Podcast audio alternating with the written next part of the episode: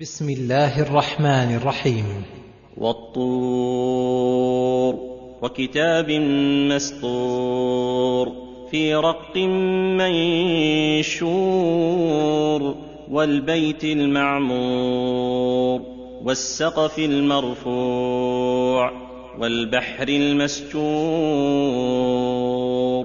يقسم تعالى بهذه الأمور العظيمة المشتملة على الحكم الجليلة على البعث والجزاء للمتقين والمكذبين فأقسم بالطور الذي هو الجبل الذي كلم الله عليه نبيه موسى بن عمران عليه الصلاة والسلام وأوحى إليه ما أوحى من الأحكام وفي ذلك من المنة عليه وعلى أمته ما هو من آيات الله العظيمة ونعمه التي لا يقدر العباد لها على عد ولا ثمن.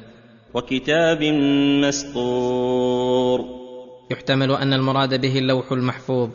الذي كتب الله به كل شيء ويحتمل أن المراد به القرآن الكريم الذي هو أفضل كتاب أنزله الله محتويا على نبأ الأولين والآخرين وعلوم السابقين واللاحقين.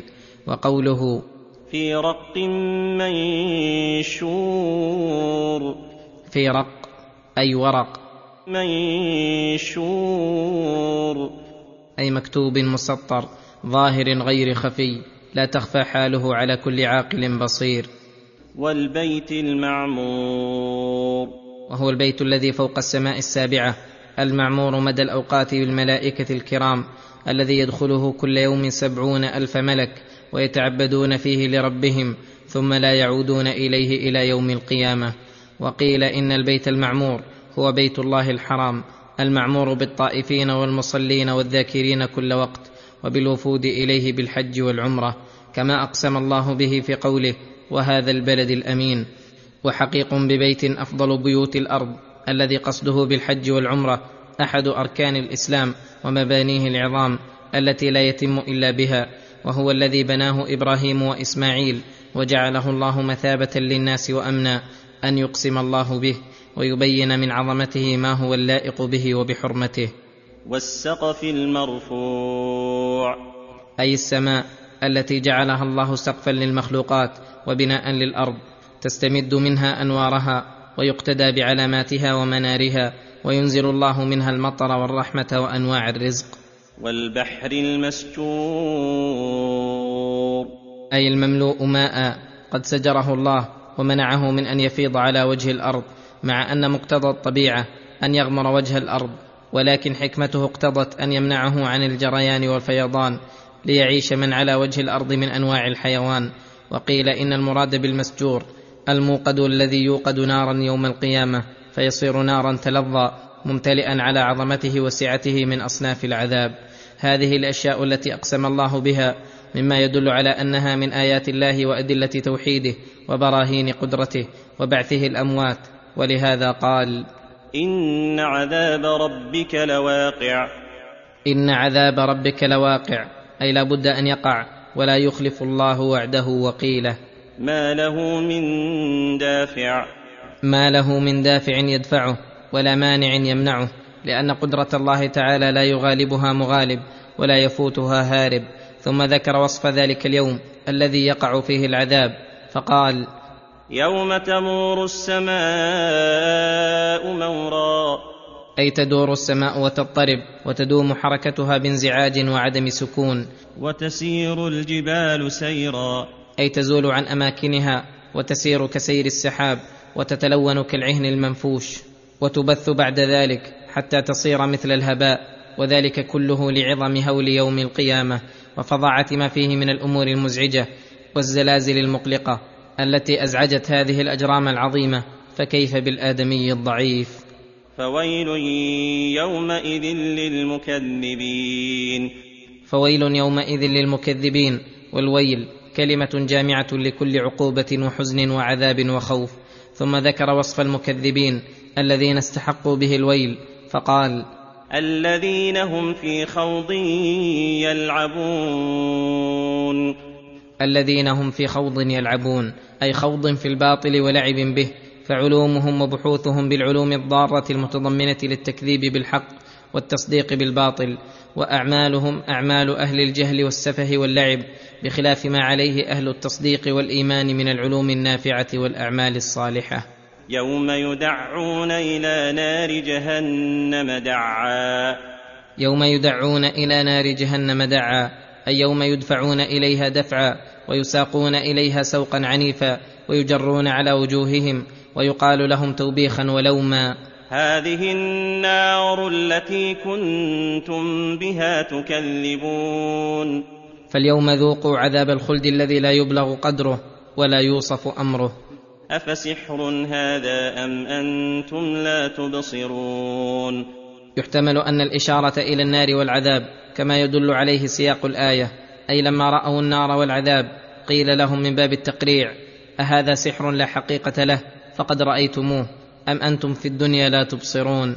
أي لا بصيرة لكم ولا علم عندكم بل كنتم جاهلين بهذا الأمر. لم تقم عليكم الحجة. والجواب انتفاء الأمرين. أما كونه سحرا فقد ظهر لهم أنه أحق الحق وأصدق الصدق المخالف للسحر من جميع الوجوه.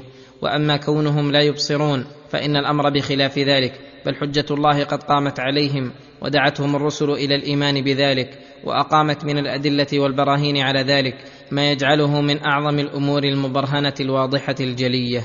ويحتمل أن الإشارة بقوله أفسحر هذا أم أنتم لا تبصرون إلى ما جاء به الرسول صلى الله عليه وسلم من الحق المبين والصراط المستقيم. أي هذا الذي جاء به محمد صلى الله عليه وسلم سحر أم عدم بصيرة بكم؟ حتى اشتبه عليكم الأمر وحقيقة الأمر أنه أوضح من كل شيء وأحق الحق. وأن حجة الله قامت عليهم. اصلوها فاصبروا أو لا تصبروا سواء عليكم إنما تجزون ما كنتم تعملون. اصلوها أي ادخلوا النار على وجه تحيط بكم وتستوعب جميع أبدانكم وتطلع على أفئدتكم. فاصبروا أو لا تصبروا سواء عليكم أي لا يفيدكم الصبر على النار شيئا. ولا يتأسى بعضكم ببعض ولا يخفف عنكم العذاب وليست من الأمور التي إذا صبر العبد عليها هانت مشقتها وزالت شدتها. وإنما فعل بهم ذلك بسبب أعمالهم الخبيثة وكسبهم. ولهذا قال إنما تجزون ما كنتم تعملون. إن المتقين في جنات ونعيم. لما ذكر تعالى عقوبة المكذبين ذكر نعيم المتقين ليجمع بين الترغيب والترهيب فتكون القلوب بين الخوف والرجاء. فقال إن المتقين لربهم الذين اتقوا سخطه وعذابه بفعل أسبابه من امتثال الأوامر واجتناب النواهي. في جنات أي بساتين قد اكتست رياضها من الأشجار الملتفة والأنهار المتدفقة والقصور المحدقة والمنازل المزخرفة. ونعيم وهذا شامل لنعيم القلب والروح والبدن. فاكهين بما آتاهم ربهم ووقاهم ربهم عذاب الجحيم. فاكهين بما آتاهم ربهم أي معجبين به متمتعين على وجه الفرح والسرور بما أعطاهم الله من النعيم الذي لا يمكن وصفه ولا تعلم نفس ما أخفي لهم من قرة أعين. ووقاهم ربهم عذاب الجحيم. فرزقهم المحبوب ونجاهم من المرهوب لما فعلوا ما أحبه الله وجانبوا ما يسخطه ويأباه. كلوا واشربوا هنيئا بما كنتم تعملون. كلوا واشربوا أي مما تشتهيه أنفسكم من أصناف المآكل والمشارب اللذيذة. هنيئا أي متهنئين بتلك المآكل والمشارب على وجه الفرح والسرور والبهجة والحبور. بما كنتم تعملون أي نلتم ما نلتم بسبب أعمالكم الحسنة وأقوالكم المستحسنة. متكئين على سرر مصفوفة وزوجناهم بحور عين. متكئين على سرر مصفوفة. الاتكاء هو الجلوس على وجه التمكن والراحة والاستقرار. والسرر هي الأرائك المزينة بأنواع الزينة من اللباس الفاخر والفرش الزاهية. ووصف الله السرر بأنها مصفوفة. ليدل ذلك على كثرتها وحسن تنظيمها واجتماع أهلها وسرورهم بحسن معاشرتهم ولطف كلام بعضهم لبعض. فلما اجتمع لهم من نعيم القلب والروح والبدن ما لا يخطر بالبال ولا يدور في الخيال من المآكل والمشارب اللذيذة والمجالس الحسنة الأنيقة لم يبق إلا التمتع بالنساء اللاتي لا يتم سرور بدونهن. فذكر الله أن له من الأزواج أكمل النساء أوصافا وخلقا وأخلاقا. ولهذا قال وزوجناهم بحور عين. وهن النساء اللواتي قد جمعن من جمال الصورة الظاهرة وبهائها ومن الأخلاق الفاضلة ما يوجب أن يحيرن بحسنهن الناظرين ويسلبن عقول العالمين وتكاد الأفئدة أن تطيش شوقا إليهن ورغبة في وصالهن والعين حسان الأعين مليحاتها التي صفى بياضها وسوادها. والذين آمنوا واتبعتهم ذريتهم بإيمان ألحقنا بهم ذريتهم ألحقنا بهم ذريتهم وما ألتناهم من عملهم من شيء كل امرئ بما كسب رهين وهذا من تمام نعيم أهل الجنة أن ألحق الله بهم ذريتهم الذين اتبعوهم بإيمان أي الذين لحقوهم بالإيمان الصادر من آبائهم فصارت الذرية تبعا لهم بالإيمان. ومن باب أولى إذا تبعتهم ذريتهم بإيمانهم الصادر منهم أنفسهم. فهؤلاء المذكورون يلحقهم الله بمنازل آبائهم في الجنة وإن لم يبلغوها جزاء لآبائهم وزيادة في ثوابهم. ومع ذلك لا ينقص الله الآباء من أعمالهم شيئا. ولما كان ربما توهم متوهم أن أهل النار كذلك يلحق الله بهم أبناءهم وذريتهم أخبر أنه ليس حكم الدارين حكما واحدا فإن النار دار العدل ومن عدله تعالى الا يعذب أحدا إلا بذنب ولهذا قال كل امرئ بما كسب رهين. أي مرتهن بعمله فلا تزر وازرة وزر أخرى ولا يحمل على أحد ذنب أحد. هذا اعتراض من فوائده إزالة الوهم المذكور وقوله وأمددناهم بفاكهة ولحم مما يشتهون. وأمددناهم أي أمددنا أهل الجنة من فضلنا الواسع ورزقنا العميم بفاكهة من العنب والرمان والتفاح وأصناف الفواكه اللذيذه الزائدة على ما به يتقوتون. ولحم مما يشتهون من كل ما طلبوه واشتهته أنفسهم من لحم الطير وغيرها. يتنازعون فيها كأسا لا لغو فيها ولا تأثيم. يتنازعون فيها كأسا أي تدور كاسات الرحيق والخمر عليهم ويتعاطونها فيما بينهم وتطوف عليهم الولدان المخلدون بأكواب وأباريق وكأس. لا لغو فيها ولا تأثيم. أي ليس في الجنة كلام لغو وهو الذي لا فائدة فيه ولا تأثيم وهو الذي فيه إثم ومعصية. وإذا انتفى الأمران ثبت الأمر الثالث وهو أن كلامهم فيها سلام طيب طاهر مسر للنفوس مفرح للقلوب يتعاشرون أحسن عشرة ويتنادمون أطيب المنادمة. ولا يسمعون من ربهم إلا ما يقر أعينهم ويدل على رضاه عنهم ومحبته لهم. ويطوف عليهم غلمان لهم كأنهم لؤلؤ مكنون. ويطوف عليهم غلمان لهم أي خدم شباب. كأنهم لؤلؤ مكنون. من حسنهم وبهائهم يدورون عليهم بالخدمة وقضاء ما يحتاجون إليه وهذا يدل على كثرة نعيمهم وسعته وكمال راحتهم. وأقبل بعضهم على بعض يتساءلون. عن أمور الدنيا وأحوالها. قالوا إنا كنا قبل في أهلنا مشفقين. قالوا في ذكر بيان الذي أوصلهم إلى ما هم فيه من الحبرة والسرور. إنا كنا قبل أي في دار الدنيا في أهلنا مشفقين أي خائفين وجلين. فتركنا من خوفه الذنوب وأصلحنا لذلك العيوب. فمن الله علينا ووقانا عذاب السموم. فمن الله علينا بالهداية والتوفيق ووقانا عذاب السموم أي العذاب الحار الشديد حره.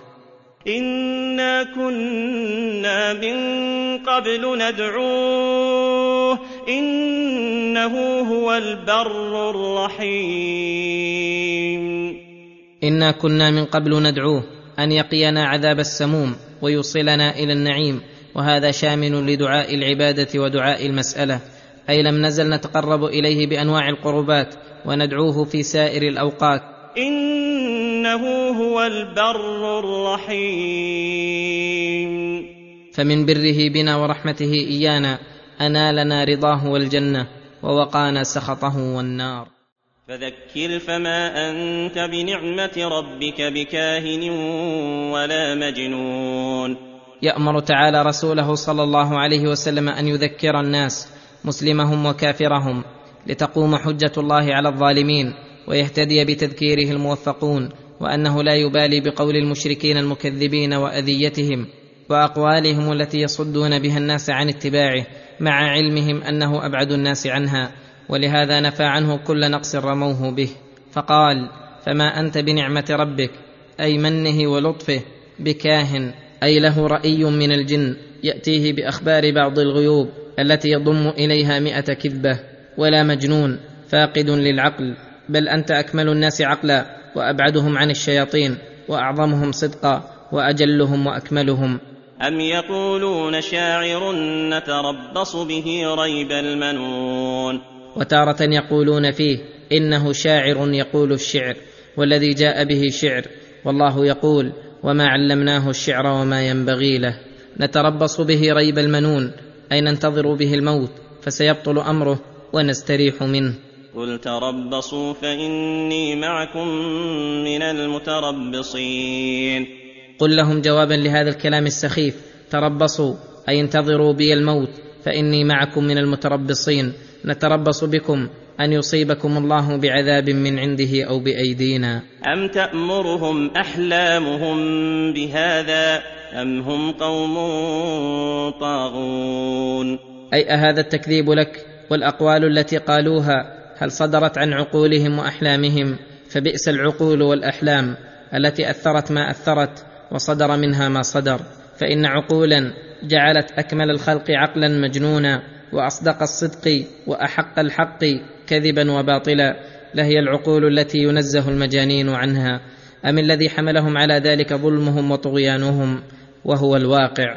فالطغيان ليس له حد يقف عليه فلا يستغرب من الطاغي المتجاوز الحد كل قول وفعل صدر منه. أم يقولون تقوله؟ بل لا يؤمنون. أم يقولون تقوله؟ أي تقول محمد القرآن وقاله من تلقاء نفسه؟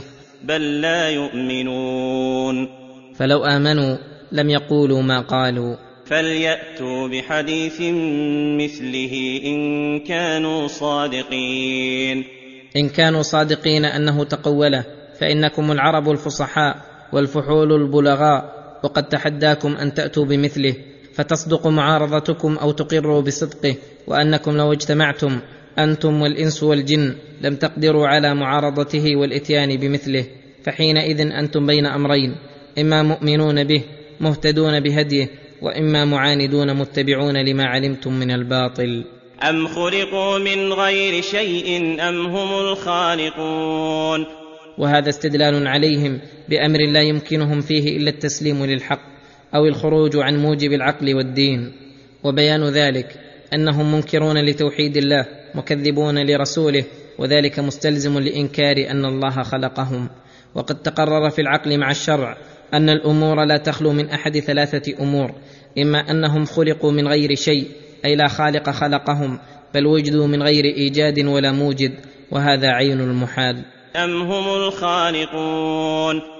أم هم الخالقون لأنفسهم وهذا أيضا محال فإنه لا يتصور أن يوجدوا أنفسهم. فإذا بطل هذان الأمران وبان استحالتهما تعين القسم الثالث أن الله الذي خلقهم. وإذا تعين ذلك علم أن الله تعالى هو المعبود وحده الذي لا تنبغي العبادة ولا تصلح إلا له تعالى. وقوله أم خلقوا السماوات والأرض بل لا يوقنون. أم خلقوا السماوات والأرض؟ وهذا استفهام يدل على تقرير النفي أي ما خلقوا السماوات والأرض فيكونون شركاء لله وهذا أمر واضح جدا. ولكن المكذبين لا يوقنون أي ليس عندهم علم تام ويقين يوجب لهم الانتفاع بالأدلة الشرعية والعقلية. أم عندهم خزائن ربك أم هم المسيطرون؟ أي اعند هؤلاء المكذبين خزائن رحمة ربك فيعطون من يشاءون ويمنعون من يريدون. أي فلذلك حجروا على الله أن يعطي النبوة عبده ورسوله محمدا صلى الله عليه وسلم وكأنهم الوكلاء المفوضون على خزائن رحمة الله وهم أحقر وأذل من ذلك. فليس في أيديهم لأنفسهم نفع ولا ضر ولا موت ولا حياة ولا نشور. أهم يقسمون رحمة ربك نحن قسمنا بينهم معيشتهم في الحياة الدنيا. أم هم المسيطرون؟ أي المتسلطون على خلق الله وملكه بالقهر والغلبة؟ ليس الأمر كذلك بل هم العاجزون الفقراء. أم لهم سلم يستمعون فيه؟ فليأت مستمعهم بسلطان مبين. أم لهم سلم يستمعون فيه؟ أي ألهم اطلاع على الغيب؟ واستماع له بين الملأ الأعلى فيخبرون عن أمور لا يعلمها غيرهم. فليأت مستمعهم بسلطان مبين. فليأت مستمعهم المدعي لذلك بسلطان مبين وانى له ذلك. والله تعالى عالم الغيب والشهادة فلا يظهر على غيبه أحدا إلا من ارتضى من رسول يخبره بما أراد من علمه. وإذا كان محمد صلى الله عليه وسلم أفضل الرسل وأعلمهم وإمامهم وهو المخبر بما أخبر به من توحيد الله ووعده ووعيده وغير ذلك من أخباره الصادقة. والمكذبون هم أهل الجهل والضلال والغي والعناد فأي المخبرين أحق بقبول خبره. خصوصا والرسول صلى الله عليه وسلم قد أقام من الأدلة والبراهين على ما أخبر به ما يوجب أن يكون خبره عين اليقين وأكمل الصدق. وهم لم يقيموا على ما ادعوه شبهة فضلا عن إقامة حجة. وقوله أم له البنات ولكم البنون. ام له البنات كما زعمتم ولكم البنون. فتجمعون بين المحذورين. جعلكم له الولد واختياركم له أنقص الصنفين. فهل بعد هذا التنقص لرب العالمين غاية أو دونه نهاية؟ أم تسألهم أجرا فهم من مغرم مثقلون ام تسالهم يا ايها الرسول اجرا على تبليغ الرساله فهم من مغرم مثقلون ليس الأمر كذلك بل أنت الحريص على تعليمهم تبرعا من غير شيء بل تبذل لهم الأموال الجزيلة على قبول رسالتك والاستجابة لأمرك ودعوتك وتعطي المؤلفة قلوبهم ليتمكن العلم والإيمان من قلوبهم. أم عندهم الغيب فهم يكتبون فهم يكتبون ما كانوا يعلمونه من الغيوب فيكونون قد اطلعوا على ما لم يطلع عليه رسول الله فعارضوه وعاندوه بما عندهم من علم الغيب. وقد علم أنهم الأمة الأمية الجهال الضالون ورسول الله صلى الله عليه وسلم هو الذي عنده من العلم أعظم من غيره وأنبأه الله من علم الغيب على ما لم يطلع عليه أحدا من الخلق. وهذا كله إلزام لهم بالطرق العقلية والنقلية على فساد قولهم وتصوير بطلانه بأحسن الطرق وأوضحها وأسلمها من الاعتراض. وقوله أم يريدون كيدا فالذين كفروا هم المكيدون. ام يريدون بقدحهم فيك وفيما جئتهم به كيدا يبطلون به دينك ويفسدون به أمرك. فالذين كفروا هم المكيدون. أي كيدهم في نحورهم ومضرته عائدة إليهم وقد فعل الله ذلك ولله الحمد. فلم يبق الكفار من مقدورهم من المكر شيئا إلا فعلوه فنصر الله نبيه ودينه عليهم وخذلهم وانتصر منهم. أم لهم إله غير الله؟ سبحان الله عما يشركون. أم لهم إله غير الله؟ أي ألهم إله يدعى ويرجى نفعه؟ ويخاف من ضره غير الله تعالى. سبحان الله عما يشركون. فليس له شريك في الملك ولا شريك في الوحدانية والعبادة وهذا هو المقصود من الكلام الذي سيق لأجله وهو بطلان عبادة ما سوى الله وبيان فسادها بتلك الأدلة القاطعة وأن ما عليه المشركون هو الباطل وأن الذي ينبغي أن يعبد ويصلى له ويسجد ويخلص له دعاء العبادة ودعاء المسألة.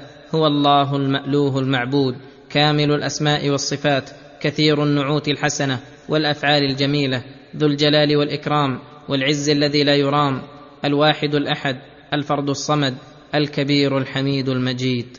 وإن يروا كسفا من السماء ساقطا يقولوا سحاب مركوم. يقول تعالى في ذكر بيان أن المشركين المكذبين بالحق الواضح قد عتوا عن الحق وعسوا على الباطل وأنه لو قام على الحق كل دليل لما اتبعوه ولخالفوه وعاندوه.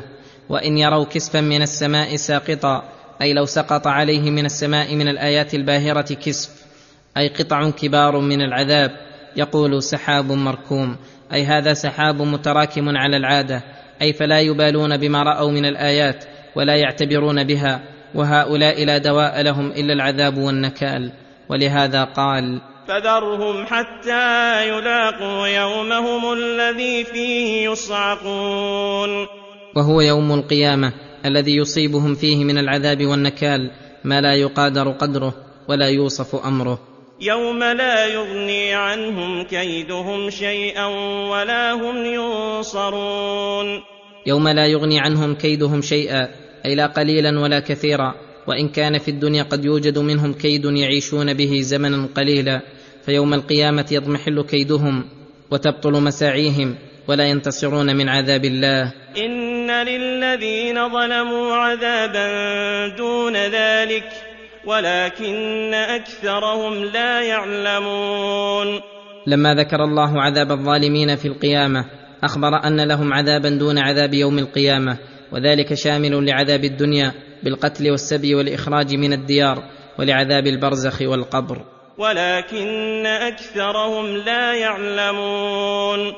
أي فلذلك أقاموا على ما يوجب العذاب وشدة العقاب. واصبر لحكم ربك فإنك بأعيننا وسبح بحمد ربك حين تقوم ومن الليل فسبحه وإدبار النجوم. ولما بين تعالى الحجج والبراهين على بطلان أقوال المكذبين أمر رسوله صلى الله عليه وسلم ألا يعبأ بهم شيئا وأن يصبر لحكم ربه القدري والشرعي. بلزومه والاستقامة عليه ووعده الله بالكفاية بقوله فإنك بأعيننا أي بمرأ منا وحفظ واعتناء بأمرك وأمره أن يستعين على الصبر بالذكر والعبادة. فقال وسبح بحمد ربك حين تقوم.